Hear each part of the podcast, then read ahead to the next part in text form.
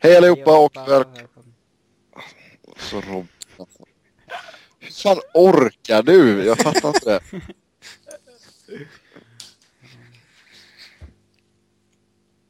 I vilket fall som helst. Hej allihopa och välkomna till Svenska fans NHL podcast. Mitt namn är Sebastian Norén och med mig som vanligt så har jag Niklas Wiberg och Robin Fredriksson är tillbaka denna veckan. Han har fått sova ut lite. Mm. det går fan att missa det. Ja, men det roliga är att han klagar på min Göteborgshumor innan programmet börjar och sen så drar han den direkt när vi börjar. Ja. Göteborgshumor är tråkigt. Annan humor är rolig.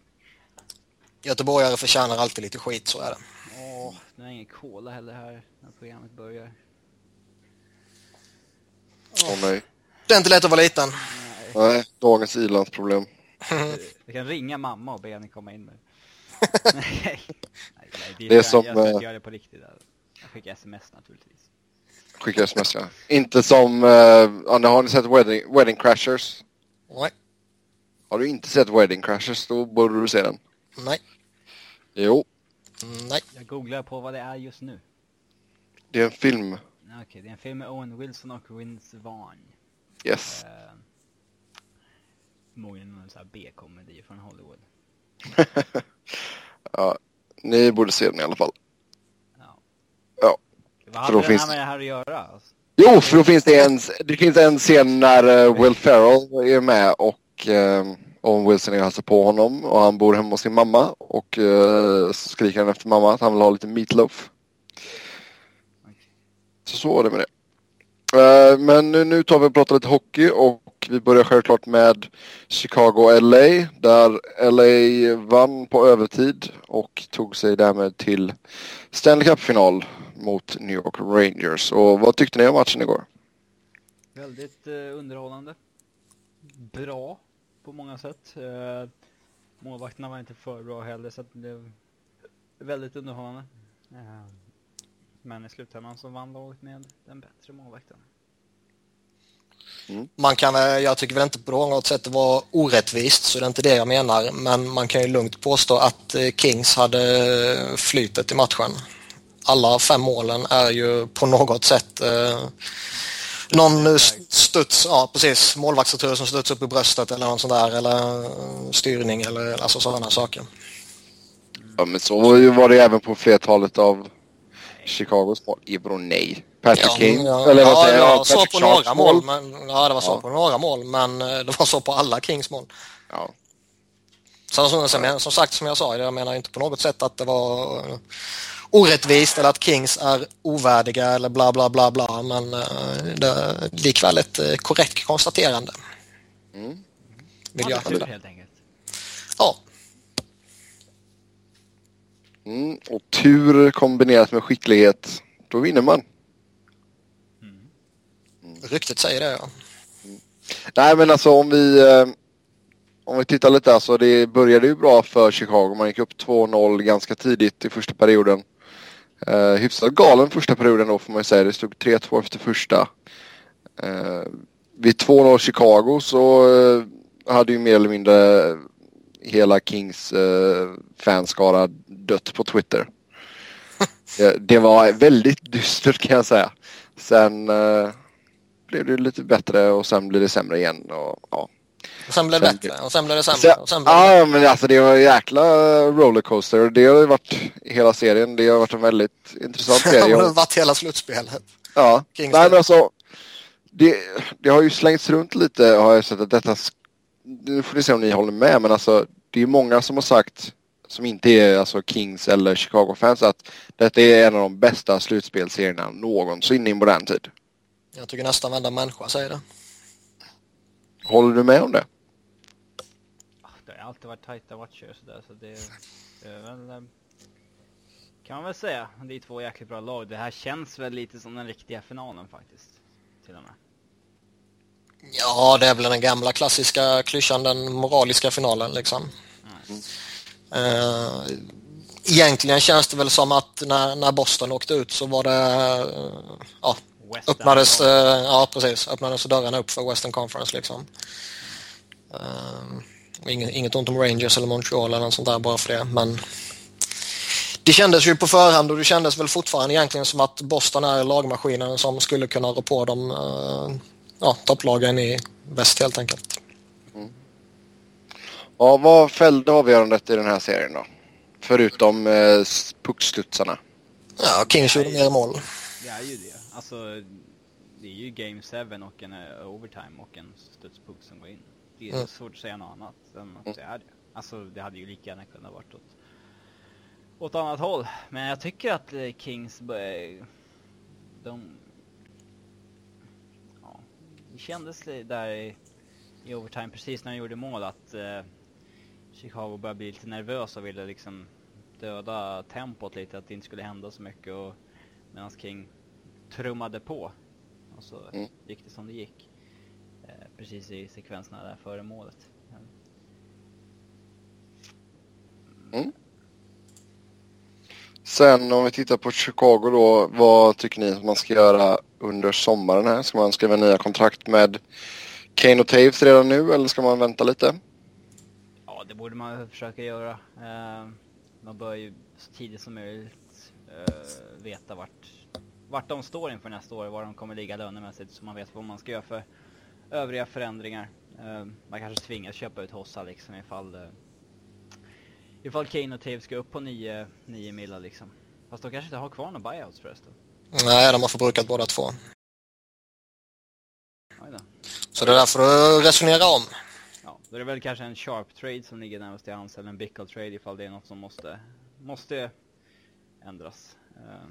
Samtidigt så är inte det något de behöver göra denna säsongen. Nej, men uh, alltså... Uh, de kommer ju behöva göra det. Någon, alltså... Ja, jo, jag menar mer eh, absolut, men eh, de behöver inte öppna upp löneutrymme nu för att eh, signa upp de två. Nej, Nej men om vi, om vi ska vi titta lite snabbt på truppen här så Jeremy Moran, RFA, Ben Smith, RFA, sen Hansus och Peter Regin, UFA bland forwardsen. Uh, Brookbank, enda backen, han blir UFA. Och sen eh, Antiranta RFA och Habulin UFA. Grejen är att de sitter i en rätt bra sits om man tittar på nya kontrakt. För det, det är liksom alla de som har utgående kontrakt oavsett om det är RFA eller UFAs eh, är ju spelare man faktiskt kan undvara. Mm. Um, sen visst en sån som uh, Antiranta vill man kanske signa upp just för att ha en en kompetent backup. Men resten kan man ju faktiskt släppa. En sån som Sheldon Brookbank kan ju inte direkt som man står och faller med med tanke på att man har, eh, man har rätt gott ställt med unga killar bakifrån. Ju.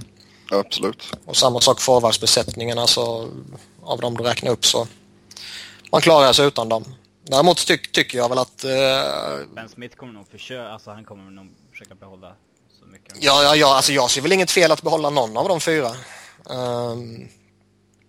Bara det att det finns väl kanske eh, vissa spelare som kanske inte ska ha en sån stor roll som man kanske hade detta året. Mm. Um... Och sen vill man väl pilla in Taravainen där någonstans också, antar jag. Ja, men han kommer ju ha ett skitkontrakt. Alltså...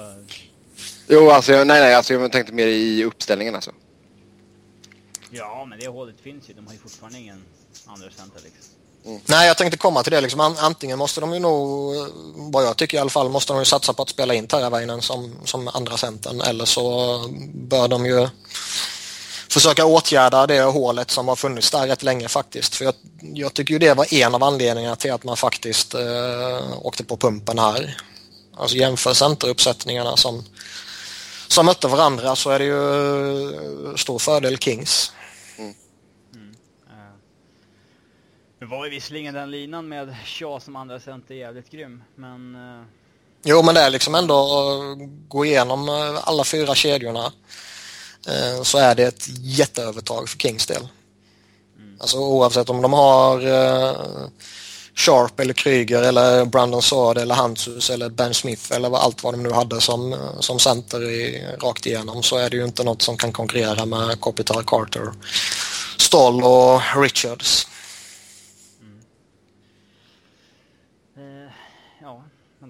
Frågan är om de någonsin kommer gå efter den där andra centern. Det verkar inte som att det är det som det finns inte utrymme för det helt enkelt ekonomiskt, känns det som. Nej, men man behöver ju inte gå efter en sån där eh, liksom fem och en halv miljoners snubbe. Utan jag tror att man, eh, om man behåller den coren som man har nu och man kan man kan få en eh, liksom kompetent, hyfsat billig center så liksom släng in en Patrick Sharp och en Patrick Kane på varsin sida om honom så är det en, en, en helt okej okay andra kedja. Varför center snackar vi om då?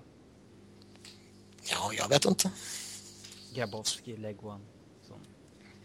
Ja, men en sån eller ut på trademarknaden liksom, det, det är ju inga problem att hitta en spelare och, och jag, är väl, jag är väl snarare inne på att Chicago kanske, om man nu väljer att inte satsa på Terravainen så bör man kanske undersöka en, en center kring eh, 2-3 miljoner istället för att som det går någon form av spekulation om att man kanske ska gå efter en sån som Ryan Kessler. Mm. Ja, det kan jag faktiskt hålla med dig om där Niklas. Men eh, hade varit kul att se Terravagnen. Eh, väldigt lovande spelare. Ja, han är skitintressant. Eh, frågan är ju bara om, om han redan nu är en center i NHL för en eh, topp 6-roll i eh, en, eh, en, ja, en av de största utmanarna liksom. Mm. Jo, men jag menar på så sätt hade det ju varit um, vad ska man säga? Det hade varit, jag tror att det hade varit enklare för honom ifall han tog in honom och satte han som andra center med som du sa då, typ Sharp Kane eller någonting. Ja. Det är, det är nog väldigt gynnsamt för en ung kille som kommer in i ligan och spelar med två sådana riktigt, riktigt bra spelare. Ja, man kan ha sämre omgivning. Mm. Om vi kollar på Antiranta lite snabbt då. Um, alltså det bör väl ändå så gå att kunna få in honom för en hyfsat billig peng va? man bör väl kunna få honom för något liknande vad han uh, låg på liksom. Att han ligger någonstans uh, över miljonen. Jag bör inte kunna se några problem på det. Så det är inte så, han var inte dålig men han har inte supersiffror heller. Nej. Jag vet inte om det har gått något snack om att han vill gå någonstans där han kanske mer har en större chans att få ett starting eh, jobb men Finns det någonstans? Ja, det vet jag fasen. Han får gå till någon... Det är så många målvakter liksom som... Ja. Han ska nog vara glad om han är en contender och spelar 25-30 matcher. Mm. Och... Eh, alltså Crawford är ju fortfarande inte riktigt så här super, super bevisat liksom. Det är ju... Det känns som han kan jag... falla ihop liksom. Jag vet inte, alltså jag, jag tyckte ändå Crawford var ju bra. Jag tycker han var riktigt bra mot St. Louis. Han var där hyfsad mot Minnesota. Det var väl någon match där som var lite platt men sen i konferensfinal verkligen, varken Crawford eller Quick var ju, ingen av dem var ju outstanding. Sen hade de ju båda tillfällen då de spelade riktigt bra men Men sen är det ju det som vi har sagt några gånger, han kommer ju alltid vara, eller ja, anses vara ett osäkert kort och ett litet frågetecken så länge han spelar bakom det laget och bakom det försvaret. Mm. Det, är fan, alltså det är fortfarande ingen... Jag skulle inte prisa 6 mille för en sån målvakt i alla fall. 6 mille kan man få någon riktigt jävla bra. Alltså... Eh, det känns lite som att Crawford är en sån målvakt som man kan tänka sig ha Eh, om man vill lägga mer pengar på andra positioner. Lite som Detroit för massa år sedan och nöjde sig med Oscar i mål för att lägga pengarna på annat. Mm. Eh, fast det faller ju lite grann när Crawford eh, drar in 6 miljoner per år. Mm. Ja, det håller jag med om. Så är det. Mm, ja, vi får se vad som händer med Chicago under sommaren. Jag tror väl inte de kommer göra några större rokader och alltså Ryan Kessler känns väl Ja. ja man skulle få en jävla centeruppsättning, så är det mm. Alltså en, få in en, en riktigt bra center till så är ju det helt plötsligt eh, väldigt eh, stabilt med centeruppsättningen. Det, så mycket kan ju faktiskt han göra skillnad. Samtidigt så skulle det ju troligtvis öppna upp hål någon annanstans med tanke på att han eh, inte kommer billigt. Nej. Så jag, jag tycker det är, det är, lite lite lyx är att ta in ett sånt kontrakt igen. Eh, framförallt lite som Robin var inne på då med, med tanke på att Kane och Toews ska ha eh, några miljoner till känns det som på deras nya kontrakt. Det är därför man vill signa Kane och Tate redan nu i sommar så man vet ungefär var de kommer ligga. Ja, ja, det är liksom antingen signar man dem nu eller eh, så... Nej, men i, otänkbart men det är... an- nej, men i princip, jag menar du, du, vill, du vill ju inte eh, riskera ens för en sekund att någon av dem eh, kommer ut på marknaden eller ens kommer i närheten av marknaden. Men det är ändå otänkbart att trada dem liksom. Så att det, det är ju signen. Ja, jo, det, de, de, kom, de kommer ju signas eh, och jag tycker de ska signas under sommaren. Eh, För det, det är liksom, man vill inte gå in i en säsong med den osäkerheten heller att liksom största stjärnan och uh, lagkapten och bla bla bla och allt sånt här är osignade och med tanke på vilka stora namn det är så Nej, det, det skulle skapa en osäkerhet och frågor och en situation som jag tycker det är onödigt att ställa sig själv inför. Eh, vad tror du? Jag Robin, jag tyckte att du sa runt nio. Är det där ni tror att det kommer landa eller? Man ska nog vara väldigt nöjd om de inte börjar på, eh, om deras kontrakt inte börjar med en ny i alla fall. Ja, eh, definitivt. Jag har väl svårt att tänka mig att det inte blir eh, kontrakt liknande vad liksom Joe, Perry, Getzlaff och de här har signat. Som är eh, lite över 8 miljoner. Det, det, det är nog minimi. Kane och Tate är ju mer hypade namn än de två också. Ja, ja verkligen. Så jag menar det, det, det är nog minimisumman vad, vad jag skulle tänka i alla fall. Sen så vet de väl själva kanske att eh, de tog ju ganska snåla 6,3 på sina förra kontrakt. Att eh, det var väl stora anledningen till att de vann en till Stanley Cup. Så att eh, går de in och kräver liksom 10 mille var då får de kanske köpa att okej det blir inga fler Stanley Cup för dem. Eh, Mm. Ja, bara så länge de inte nöjer sig med typ 8 eller 7,5. Så. Alltså, om de vill göra det så är det upp till dem. Men eh, det, det, det vore väl nobelt i alla fall att, att göra det, kan jag tycka. De skulle ju kunna få ja, uppemot 10 på öppna marknaden. Mm. Ja, vi får se vad som händer med herrarna Taves och Kane.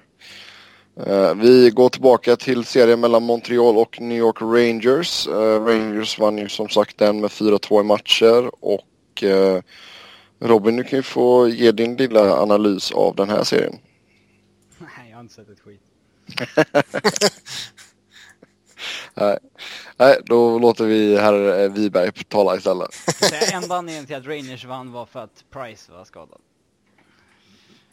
Nej. Det, Nej, jag vet inte, jag skojar. Nej men alltså hade, hade Price stått för Montreal så hade det varit en tätare. Då tror jag att det hade varit sju matcher, absolut. Men eh, Jag tror att det gick så pass tight ändå, trots att Price var borta. Det måste man säga. ja, jag tror fortfarande att New York hade vunnit i längden. Jag var alltså förvånande att det inte Att det tog sex matcher? Ja, att det ändå var så pass tight när Price var borta. Ja men alltså Niklas har pratat om det här just desperationen som kommer in och allt sånt där. Jag, jag kan köpa det resonemanget Efter att... att Price är borta så vinner ju Rangers med 3-2 i matcher. Det är ju man... Ja, men det var, det var ju inte en skräpmålvakt som kom in.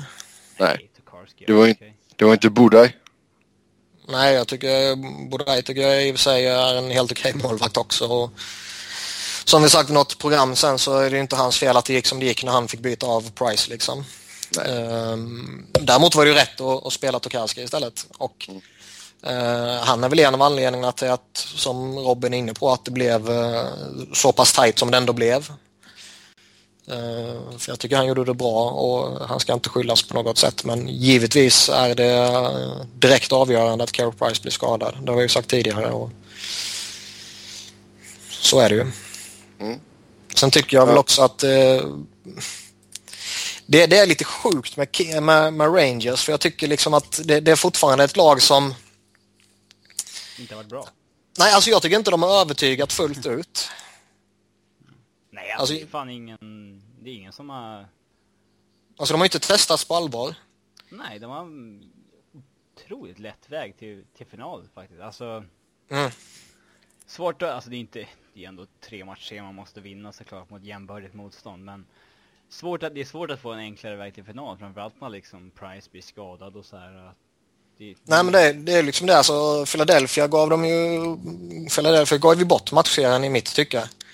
Eh, eller rättare sagt, eh, ja, det, det, är väl lite hårt men eh, de gör det inte upp till så pass stort motstånd som man kan förvänta sig att de borde gjort. Eh, Pittsburgh kollapsade ju eh, och som du sa, Price skadade här så det är klart att man har haft en en, en väldigt gynnsam väg fram till finalen. Sen är det ju alltid lite sådär eh, ja, lite orimligt att kritisera ett lag som är i Stanley Cup-final. För det är inte en, en lätt resa att göra. Eh, men som sagt, det, det finns eh, man, man, det kan man ju se på två sätt också. Antingen så har man haft lite flyt och tagit sig dit på eh, en, en ja, baserat på motståndare som inte har bjudit upp liksom. Och att man inte kommer ha något att sätta emot i finalen mot ett starkt lag. Eller så kan man se på det som att man har man gör vad som krävs för att vinna. Eh, och man har ännu mer att ge, man har en växel till att lägga i och, och så vidare. Och att det liksom, nu växlar man upp då. Mm. Alltså, Om vi... Ingen av Rangers stjärnor liksom, som ska bära det här har ju liksom... Ingen av dem har en det är ytterst få som har en poäng varannan match i alla fall. Det är ju märkligt, alltså hur ett sådant lag har lyckats trockla sig till final. Alltså... Nej, det är jättemärkligt. Alltså, jag, normalt sett när man tittar på ett, på ett lag som har gått till final så tycker jag att man kan peka ut en, en handfull spelare som ändå är eh, liksom namn som figurerar någonstans i en diskussion kring eventuell Conn Smythe Trophy. Tittar man på Kings så har de ju Carter och Kopitar och Gaborik och Dowdy och Quick liksom. Um, till och med McDonough har väl inte, alltså han har ju varit bättre förr. Han, jag tycker han har växlat upp lite nu mot, mot slutet här. Men första två... mot Flyers i alla fall. Ja, fruktansvärt dålig där jämfört med vad han kan prestera och han var darrig mot Pittsburgh också. Men jag tycker han har sett bättre ut här nu mot slutet. Så han, han är väl en av de här som är lite sådär och Martin Saint Louis har ju liksom visat lite här och där men med tanke på vad han har visat tidigare och vad man vet han är kapabel till så är ju han också förvånansvärt anonym förvånansvärt ofta. Så den, en, den enda av de stora är ju Henke Lundqvist. Mm. Och då har han ändå varit bättre i de två tidigare slutspelen. Alltså ja. Så att eh, det är... Hela sen, samtidigt, är... sen samtidigt, han kliver ju fram på de mest exemplariska sätten när de behöver det som mest. Alltså i de mm. avgörande matcherna när de ligger pyrt till eller när de behöver vinna. Och, alltså den, då kliver han fram ju. Ja, det är ju målet som där typ statistiken inte så här talar det hela språket. Han gör, han... Alltså han håller ju nollan när det behövs snarare mm. än då och då bara. Alltså, han kan ju släppa in eh, ganska många mål i match där det kanske inte betyder så mycket men men det var ju, det var ju som vi sa förra avsnittet när eh, Canadiens fick honom utbytt och, och hela det här och vi pratade lite om att okej okay, det är positivt för, för Montreal för de fick de fick bevisat för sig själva att de kan göra många mål på Henke Lundqvist. Men sen samtidigt så pratar vi om att eh, han om någon kan ju studsa tillbaka och hålla nollan direkt efter en sån grej. Och det var ju mycket riktigt vad som hände. Mm. Mm. Se vad smarta saker vi säger Niklas när Robin inte är med. Ja, eller? Jag är helt galen. Ja. Nej men alltså det, men det, jag har pratat om detta förut men det, det, visar ju bara på vilken jäkla karaktär Lundqvist har. Det är som vinnarskalle utan like liksom. Men om vi kollar lite på Montreal, vad, vad ska man göra över sommaren här nu? Uh, tror ni att man har några chanser att uh, skriva nytt med Vanek eller är det helt kört? Vill man ens göra det? För jag, jag tror... han, han kommer säkert vara jättebra spelare igen, men eh, det känns inte som att han och Montreal har klickat så bra. Mm. Nej, han var ju pratade lite i sin eh, exit-intervju liksom att eh, nej, det funkade inte för honom när, när han försvann från toppkedjan så hittade han ingen kemi och bla bla bla. Så han var ju ärlig i allt han sa att han, han, han var dålig och att han skyllde inte på någonting. Han sa att nej, jag har inte varit skadad och sådär. Liksom. Ja. Det, det har bara inte varit funkat. Liksom. Nej. Sen har han ju sagt att han kommer testa marknaden. Sen innebär väl inte det att han skriver av Canadiens liksom. Men det känns väl ändå inte som att eh, det är någonting som de ska gå vidare med. Nej. Alltså hade han fått en superkemi med Plikanic eller någonting, då hade det kanske varit värt att fortsätta bygga på det där, men det känns... finns det väl ingen anledning att gå in i ett budkrig om en spelare som uppenbarligen inte fungerade där. Nej. Nej, framförallt inte som han... Han kommer ju... Jag, jag, tror även om han varit kass så tror jag inte han har spelat bort sina chanser att få ett, ett långt och välbetalt kontrakt. Däremot tror jag väl att eh, antalet lag som jagar honom kanske har minskat något. Mm. Eh, liksom då dra jämförelsen Vanek-Gabrik så är det ju där man kanske på förhand kände som att Vanek, fan det är ju en grym värvning, det kommer nog bli skitbra. Och Gabrik, ja det är en jävla chansning, kanske funkar. Mm. Så har det ju varit tvärtom. Nej fast vi allihop, alla vi som har varit med här har väl ändå sagt att det var lite udda att det var så dåligt intresse för Gabrik kring Ja, ja, fan jag vill, jag vill ju ha honom till Flyers.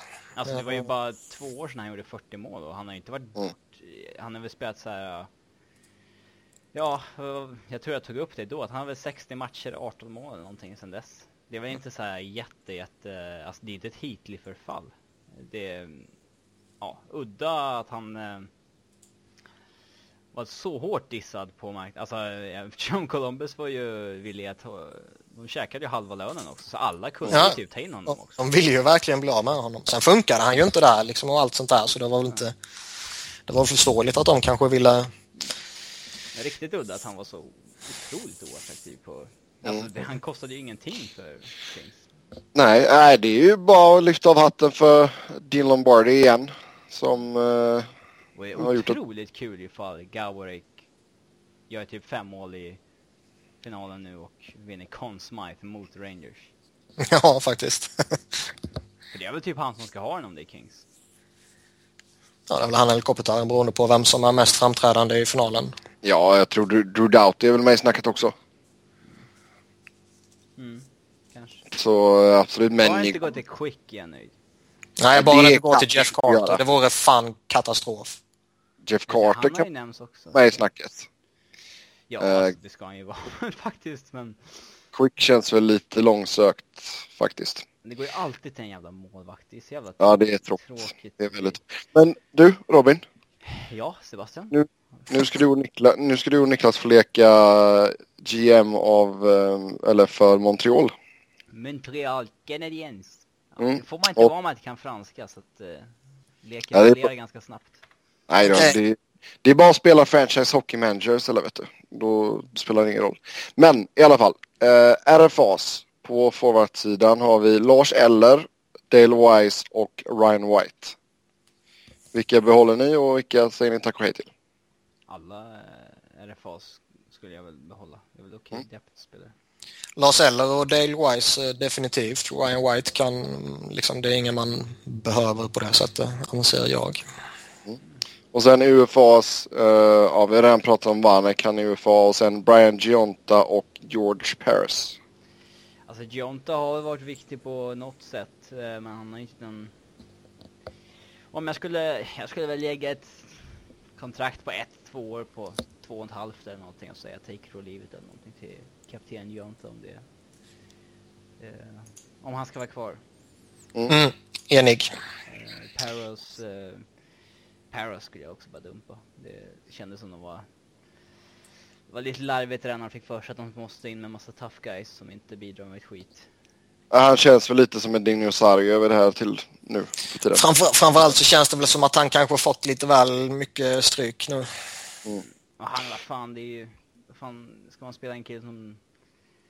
Han spelar var fjärde match i grundserien liksom, inget i slutspelet. Var, han... Alltså, du, du Nej, kan hitta liksom... killar som kan spela hockey också som kan slåss. Framförallt eftersom de ändå har eh, en del sådana. De har Brandon Prust, de har Travis Moan, de har en Dale Wise och de har en Ryan White och lite sånt där grejs liksom. Så jag menar det är inte... Det är inte så att de bara har en, uh, en George Paros som polis om man ska säga så. Mm. Nej. Uh, sen hur mycket måste man titta framåt också? För nästa år så är det sista året för entry level kontrakten på Galchenyuk och uh, Gallagher.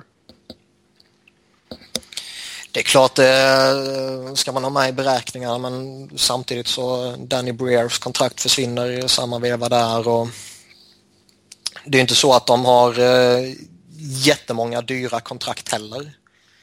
Uh, visst, uh, snubben som jag gissar att du snart kommer nämna kommer nog få ett mm. väldigt fett kontrakt. Men mm. utö utöver Douglas Murray så, så, så, har de ju inga liksom, jättekontrakt på det sättet. Utan det är. Plekanec som är deras dyraste forward. Mm. Han ligger fem mille. Ja. Uh, bäst betalda spelaren i klubben kommer ju med all sannolikhet bli Piqué Subban som är RFA. Och här snackar vi väl 7,25 och uppåt va? Då ska de vara jävligt nöjda. De kan nog börja prata på 8 plus. Ja. Uff. Det är sagt att han har, alltså det har väl sagts att han har bett om 10. Oj! Eh, sen kommer han ju inte landa där såklart, men eftersom han fick vika sig lite i förra kontraktsgrejen så är kanske han sugen på, okej okay, nu är det er tur att mm. betala upp lite extra. Sen är det så, det är bara att titta på liksom backarna som, som ligger där också. Det är Shea Weber och det är Ryan Suder och det är Chris Letang och det är uh, Jude Audi och, och de namnen som, som ligger kring sju eller en bit över också. Så det finns inte så på... många första backar. Man måste betala utav helvete om man har en sån. Det är bara mm. att acceptera. Liksom. Ja. Och framförallt nu när strukturen ser ut som de gör under eh, nya eh, CBA så mm. får man nog eh, vara glad om det inte är så mycket över 8 miljoner. Ja, men hur... sjua så är det nog bara dra ett party i Montreal i alla fall. Ja, ja men jag, jag, tänkte alltså vi, vi såg i Philadelphia skickade ju ett offer sheet till Webber. Uh, och med tanke på att det har varit lite tjafs mellan Subban och Montreal tidigare, tror ni att möjligheten finns att någon kör ett offer sheet i alla fall och testar alltså, grejerna, jag, jag ser det som helt meningslöst för Alltså vill de behålla Subban och det kommer ett offer sheet så kommer de ju matcha det. Alltså Canadiens har inga problem att betala liksom. Um, och liksom vill inte han vara kvar i Montreal så kommer han ju aldrig gå med på ett offer sheet liksom. För då är han ju fast där vare sig han vill det eller ej. Mm. Om de matchar då givetvis. Så jag är väl helt övertygad att kommer det ett offer sheet, vilket jag inte tror det kommer göra, uh, så kommer han, uh, eller så kommer Montreal matcha det. Montreal har ju liksom, de, de kan inte släppa honom heller. Vad fan, det, det går ju inte. Alltså det... De kommer tvingas pröjsa det han vill ha helt enkelt. Det är bara så det kommer gå till. Mm. Och det är lite som Robin var inne på också, alltså har du en, en riktig första back eh, eller riktig ska jag inte säga för en riktig första back för mig är en Niedermayer, Lidström, Pronger i sin prime liksom. Det är inte Pekka Subban även om han är en jävligt skön back. Men han är, han är en första back i den här ligan, givetvis. Um, och liksom har, har man en sån så släpper man inte honom. Man betalar, jag skulle ju skulle jag ha Piqué Subban så betalar jag gärna en miljon eller en och en halv eller två miljoner eh, mer än vad man kanske egentligen skulle vilja. Mm. När, när, man har den spelaren med tanke på hur alltså hur pass få sådana det ändå finns i ligan. Ja, alltså vad är alternativet om man, om man släpper honom liksom? Hur ser backsättningen ut då? Visst, Nej, men då är det ju... tillbaka men alltså Nej, att, att han inte spelar i Montreal nästa säsong känns oerhört otänkbart. Uh, mm. Det finns liksom inget bakom som kan ersätta och sådär. Så att det... Nej. Jag skulle väl börja med att slänga fram åtta år på åtta miljoner per säsong och se vad han säger. Mm. Mm. Sen de som blir UFA, då har vi Andrei Markov, Francis Bouillon, eh, Douglas Murray och Mike Weaver. Murray och Bouillon kan de ju bara släppa. De är ju slut liksom. Det är gamla gubbar. Mike Weaver tycker jag ändå, han visar ändå att han har lite kvar i... Uh, han vill ju att signa ett uh, kontrakt på en miljon eller någonting så skulle jag nog göra det. Uh, sen är André Markov då? Markov är väl en uh, diskussion för sig kanske. Men jag skulle nog inte ha något emot att signa upp Markov på liksom ja, två år för uh, fem, fem och, 25, fem och en halv liksom. Han vill ju ha tre år. Uh, Montreal har väl eh, erbjudit ett år. Mm. Uh, Jag, jag, förstår att man erbjuder ett år med tanke på att han är 35 bast och med tanke på uh, skadeproblemen som ändå har funnits där tidigare. Mm. Uh, nu har man inte sett någonting av de skadeproblemen de senaste två säsongerna. Uh, men likväl är det väl något man ska ha med i beräkningarna såklart. Men att ge honom två år ser väl jag som en väldigt liten risk om man säger så. Skulle jag vara med GM för ett annat lag, exempelvis Edmonton eller Colorado, så skulle jag ju om Markov träffar marknaden gladeligen ge honom tre år på upp mot 6 miljoner. Ja, det finner jag inte alls orimligt. För det är ändå en... Vi snackade om att det fanns få första backar i ligan, så finns det ju fortfarande... Eh, det finns ju knappt 30 backar som kan spela i ett första backpar ordentligt heller. Men där är i alla mm. fall en sån, en back som kan det. Oh ja. Eh, skulle han gå in med en Eric Johnson i Colorado skulle jag bli otroligt glad. Eh, sen alltså man får ju acceptera att eh, hur långt kontraktet är, det, diktas, det, dikt, det bestämmer spelaren. Eh, diktaterar spelaren. Eller hans agent. Eh, ja. Det är bara så det är liksom, annars så går någon annanstans. Mm. Och sen sista frågan här då angående Montreal. Vad, är näst, vad ska man göra med Dustin Tokarski? Jag tycker väl ändå han visade att han eh, både är redo för och förtjänar eh, en eh, plats som andra målvakt.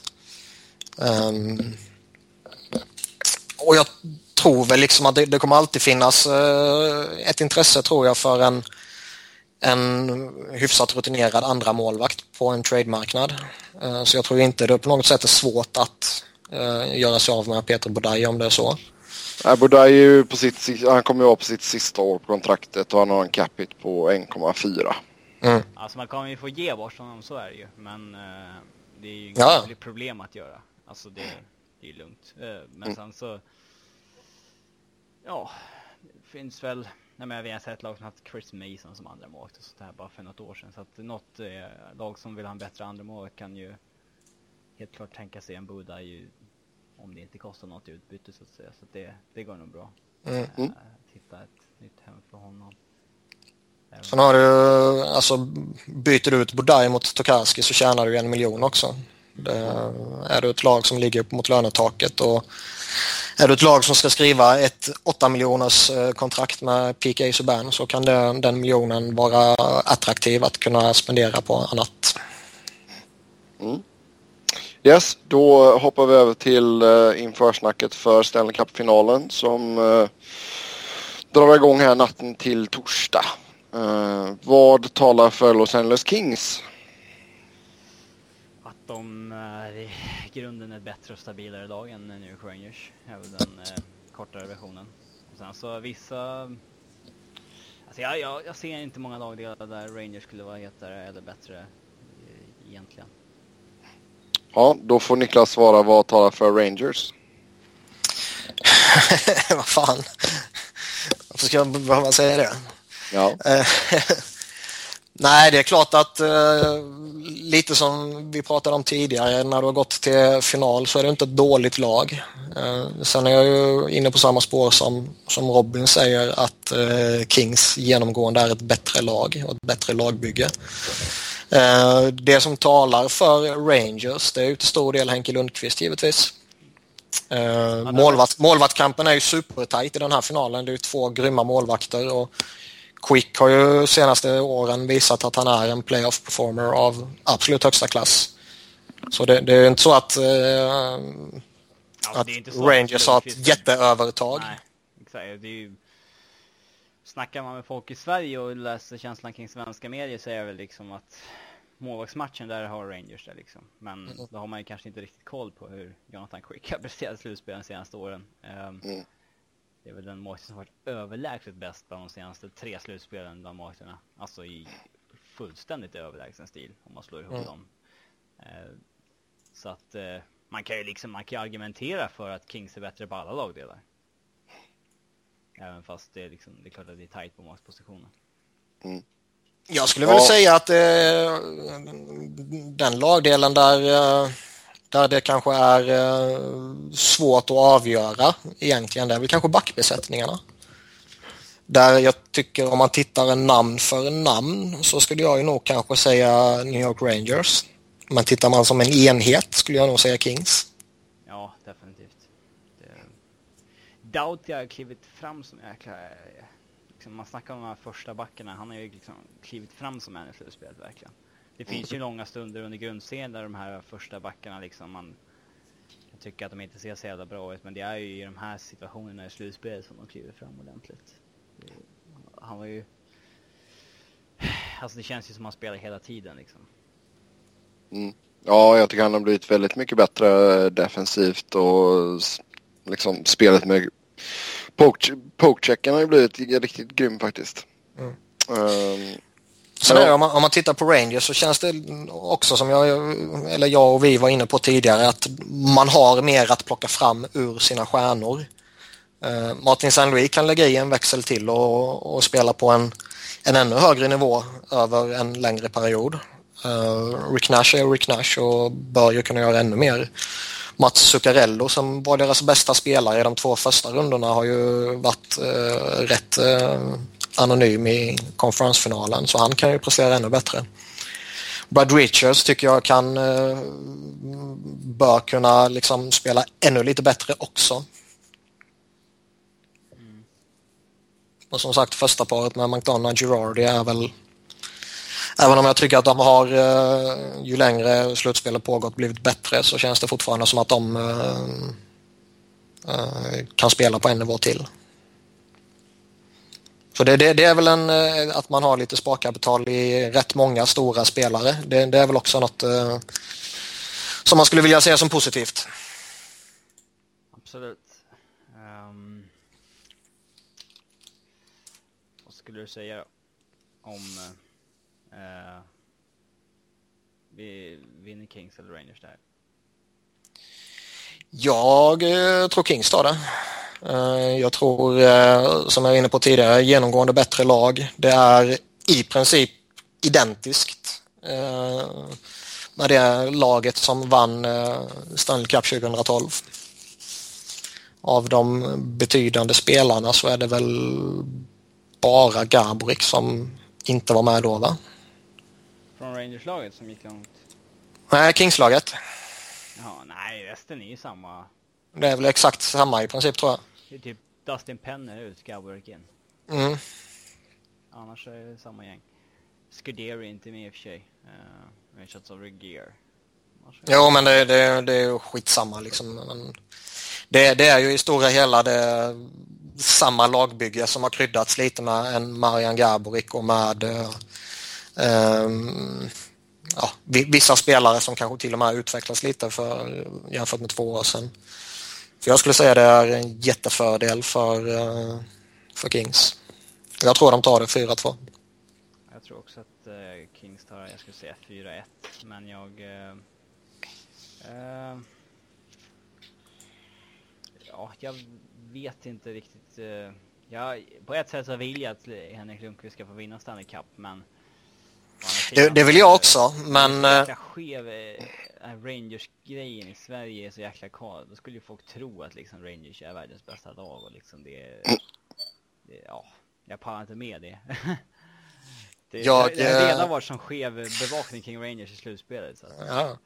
Jag skulle väl också unna Henke Lundqvist en, en Stanley Cup för jag tycker det, det är något han förtjänar och liksom um, kunna visa alla idioter som tror att han är en dålig målvakt att han faktiskt är en jävligt bra målvakt.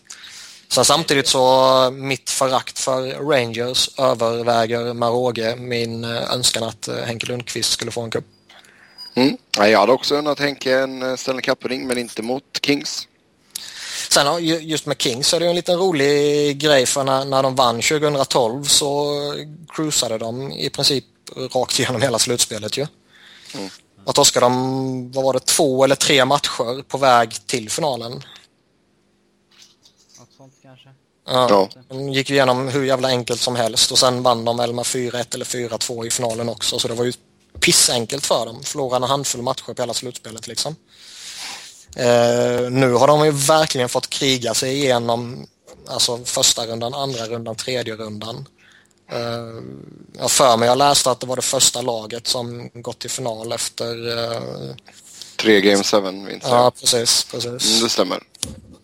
Så det, det, är ju lite fascinerande att man uh, ja, lyckas bli framgångsrik på båda de sätten. Dels kan man bara cruisa sig igenom och liksom tok-imponera 2012 och sen nu liksom övervinna motgång efter motgång faktiskt. Och mm. som allt ifrån att vända 0-3 till 4-3 mot Sharks till underlägen man har haft i andra matcher och matchserier och liksom komma tillbaka hela tiden. Ja visst, att vinna Game 7 i Chicago är inte det enklaste direkt heller. Så, uh, nej, alltså jag, med tanke på den trenden som har varit så får jag nog säga Kings i sju matcher. Ja, Kings efter sex, som sagt. Kings efter fem. Mm. Ja, vi får se vad som händer. Spännande ska det bli i alla fall. Um, vill vi säga någonting mer om Stanley Cup-finalen eller ska vi gå vidare? Det avgör du. Då säger jag att vi går vidare. Och uh, vi uh, kör våran lilla GM slash coachbyten fortsättning här och eh, denna veckan så ska vi prata lite om eh, Toronto och eh, Niklas, var det rätt eller fel att behålla Nunis och Randy Carlisle? Eh, Nunis är säga, vad fan. Ja, precis. arbetsuppgifter nu när Shannon har kommit in. Att, uh... Nej, man får, man får väl lite vibbar att det blir lite Colorado-aktigt att Nunis blir någon form av... Uh, Greg Sherman-rollen. Ja, liksom lite, du, du får göra allt det tråkiga. Ja. och så sitter Shannon och, och tar det roliga och försöker tänka ut trades på NHL 14 och NHL 15 när det kommer liksom. Mm. Um, Randy Carlisle tycker jag väl är en väldigt överhypad tränare bara för att han uh, lyckades vinna uh, med Anaheim när han hade Eh, Scott Niedermayer på isen 30 minuter och eh, Chris Pronger på isen i de andra 30 minuterna i princip. Mm. Och när Brian Burke tog en sommar där och fick in både Pronger och Niedermayer på samma gång. Mm. Så kan man också jobba. Eh, men eh, alltså, det är ju inte bara det att, alltså det, det här med Carla det är ju så konstigt. Alltså det är ju, det kändes ju som att under säsongen att han skulle få sparken en gång, men han fick aldrig det. Och att det känns som att ingen i Toronto tror på honom. Och sen så... Han har, ett, han har ett år kvar på kontraktet när en ny, liksom en ny president kommer in. Det känns okej, okay, perfekt, då kan han liksom få vara coach tills, tills vi har kommit... Ja, men alltså man tar beslut nästa sommar eller liksom man kan enkelt sparka honom under säsongens gång utan att det är någon större kostnad och man kan sparka honom redan nu den här sommaren ifall man kommer över något jättetränarnamn som man vill få in. Men liksom, mm. det fanns ju inget som helst som gjorde att man kände sig att man behövde slänga upp en kontraktsförlängning till honom. Nej, helt galet. Och man alltså göra sig av med assistenterna och, och liksom det blir ju både direkt och indirekt de som man ger skulden. Så jag tycker hela, hela situationen är ju jättekonstig och det skulle ju som Robin säger vara jättenaturligt att, att trumma vidare ett år med Carlisle och se om det om det vad som händer liksom. Eh, Drömsituationen kan... komma in med ett år kvar på tränarens kontrakt. Eller hur, eller hur. Uh, och liksom kan, kanske försöka göra någon liten småjustering med truppen och se om det är där det, det funkar. Men, men jag tycker väl också att Carlisle känns väl inte eh, direkt som den här snubben som eh, slänger mängder med förtroende på de unga spelarna. Mm.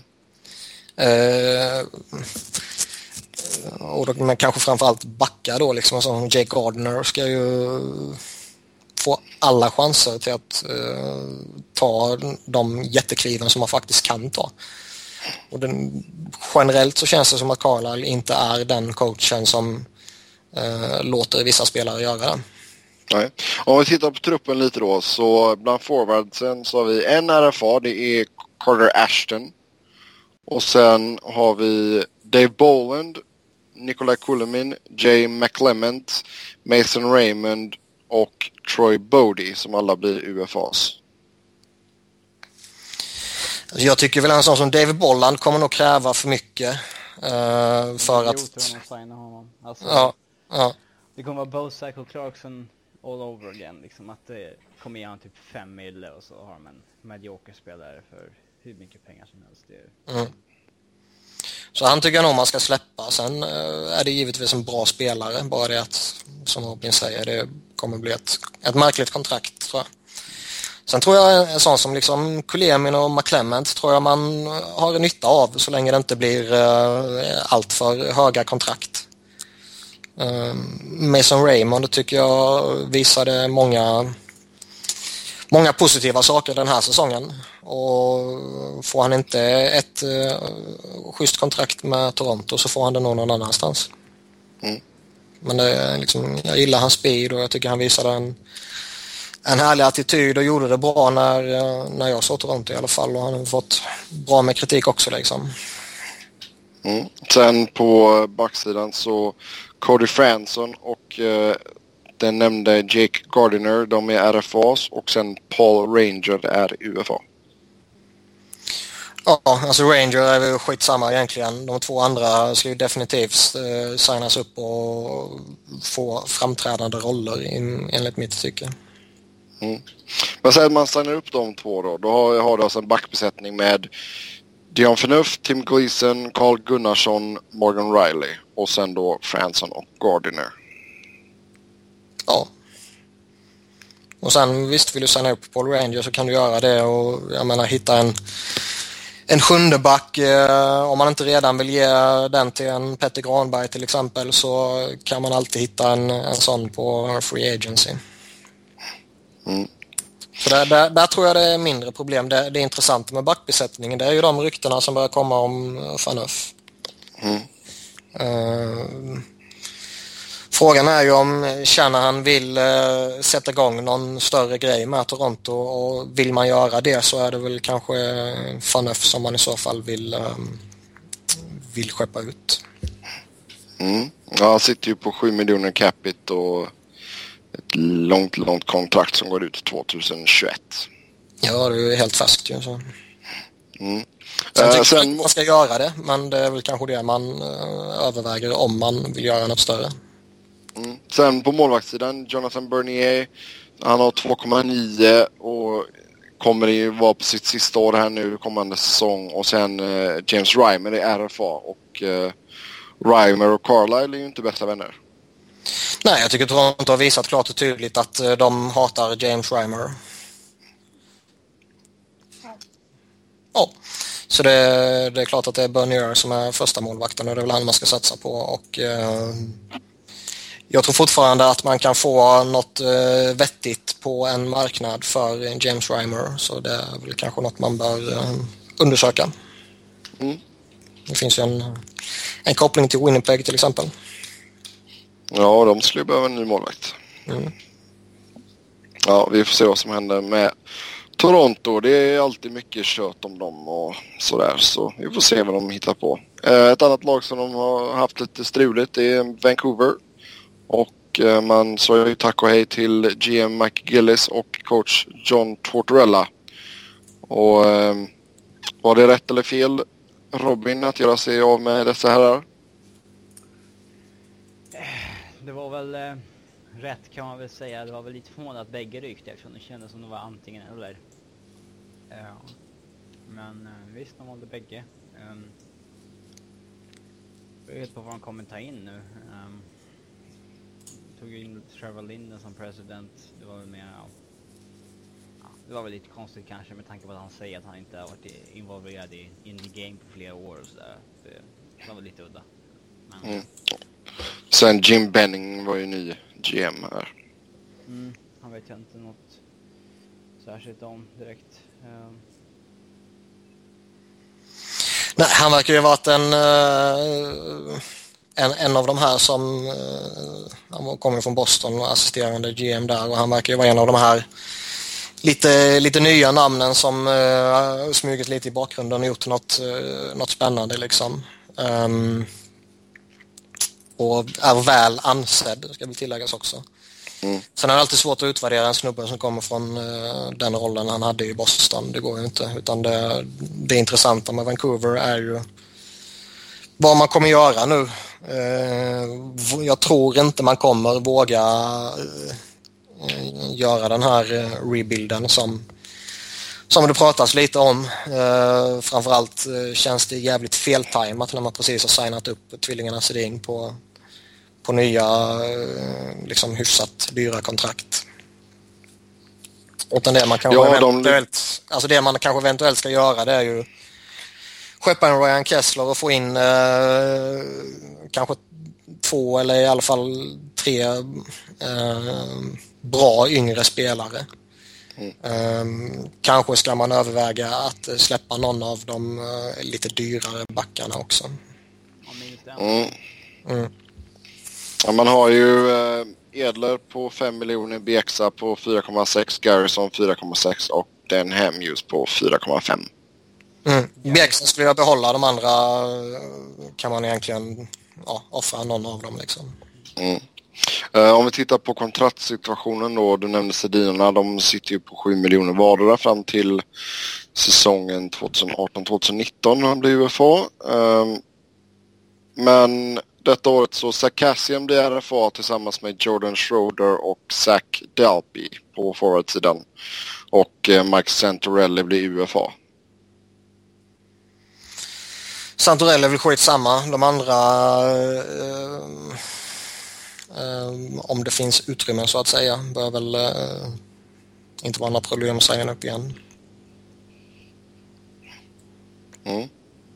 Sen eh, backsidan så Chris Tanev och Janik Webber RFA och Andrew Alberts UFA. Vancouver har alltid varit eh, rätt eh, duktiga faktiskt på att ha ett riktigt schysst backdjup. Eh, de har ju rätt många år nu haft väldigt många, alltså upp mot 8-9 stycken spelare där man har liksom, vad ska man säga, där man har koll på alla nio. Ehm, och det har ju visat sig i, i något slutspel här och där att mm, när man fått skador att det har faktiskt varit sjukt viktigt. Så där kan jag mycket väl tänka mig att de uh, kanske sänar upp allihopa faktiskt. Mm. Men som sagt, sen bor det på um, de har, eh, för mig det, 10-11 miljoners cap space och vågar man verkligen gå in i säsongen med Eddie Leck och eh, Jakob Markström eller kommer man vilja gå efter en eh, lite mer etablerad och dyrare målvakt kanske? Och, eh, hur mycket kommer man få plats med för att resigna och vill man kanske ta in ytterligare någon förstärkning och kommer man skeppa Kessler och då öppnas det upp 5, eller 5 jämnt har han förresten, 5 mm. miljoner. Um, för det, det... det måste vara sån ångest att jobba i Vancouver nu. Vad man än gör så känns det som att det är lite fel liksom. Alltså, eh, vad målvaktssituationen, vad gör man där liksom? Man kan mm. man, man har... Ska man trada för en ung målvakt, ge upp ganska mycket? Eller ska man ta in någon veteran som man egentligen inte behöver nu när man inte kommer kompita för en Stanley Cup? Och hur många av de där veteranerna vågar man trada egentligen? Det, det, alltså även om man liksom gör den här rebuilden, skickar Kessler, Edler, någon till och så här. Det blir ändå fel eftersom man ju signade Sedinarna då. Att det, mm. det, blir lite fel hur man än gör. Tar man inte tag i det här så är det ännu mer fel. Ja, det är en, det är en rolig situation att följa uh, om man inte är Vancouver-supporter. Mm. Ja, vi får se. Vancouver och Toronto, två lag som det absolut kommer snackas mycket om i sommar. Eh, med det så tackar vi för oss för denna veckan. Som vanligt så går det bra att snacka hockey med oss via Twitter. Mig hittar ni på Noren, Niklas på att Niklas Wiberg, Niklas med C och enkel V. Och Robin hittar ni på R underscore Fredriksson. Eh, kom gärna med kommentarer. Vad skulle ni göra om ni eh, var GM för Toronto eller Vancouver? Så får vi se vad folk säger så kanske vi snackar om det igen lite nästa vecka. Tills dess, ha det gott. Hej!